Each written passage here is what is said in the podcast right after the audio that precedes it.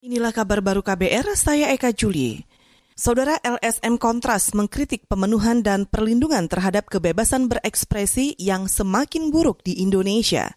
Sepanjang Desember 2019 hingga November 2020, Kontras menemukan 300 peristiwa pelanggaran, pembatasan, ataupun serangan terhadap hak atas kebebasan berekspresi.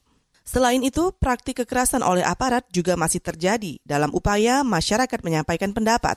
Berikut pernyataan Koordinator Kontras Fatia Mauli Dianti mana sebenarnya negara sendiri tidak memberikan implementasi yang sangat komprehensif ataupun menyeluruh terkait soal pemenuhan, pelindungan, dan juga promosi hak asasi manusia itu sendiri. Di mana sebenarnya yang paling tentara dari bagaimana esensi kehidupan berdemokrasi yaitu kebebasan fundamental semakin menyusut dan kebebasan masyarakat sipil di tengah situasi pandemi juga menjadi tumbal dari kebijakan-kebijakan diskriminatif negara. Koordinator Kontras Fatia Maulidianti melanjutkan, pembatasan HAM oleh negara juga dilakukan sangat adaptif.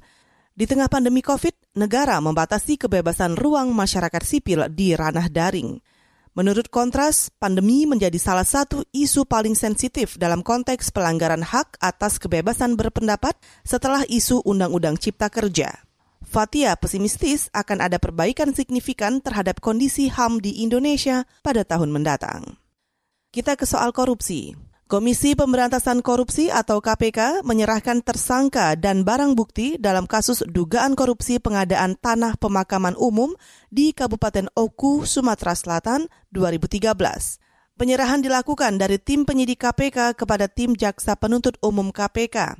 Juru bicara KPK Ali Fikri mengatakan tersangka adalah Johan Anwar, Wakil Bupati Kabupaten Ogan Komering Ulu atau Kabupaten Oku, Sumatera Selatan periode 2015-2020. Tersangka Johan merupakan bentuk supervisi dengan Polda Sumatera Selatan.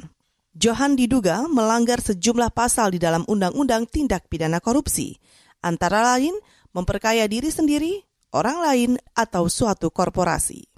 Kerugian negara dalam kasus dugaan korupsi ini mencapai 5,7 miliar rupiah. Saat ini tersangka ditahan di rumah tahanan KPK hingga 20 hari ke depan. Kita ke berita olahraga. Tottenham Hotspur menang 2-0 melawan Royal Antwerp dalam laga pamungkas grup J Liga Eropa di Stadion Tottenham Hotspur London dini hari waktu Indonesia.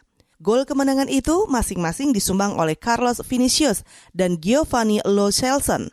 Hasil ini membuat Hotspur memuncaki klasemen grup dengan peraihan poin 13, sementara Antwerp finish di posisi 2 klasemen. Kedua tim melaju ke babak 32 besar. Saudara, demikian kabar baru. Saya Eka Juli.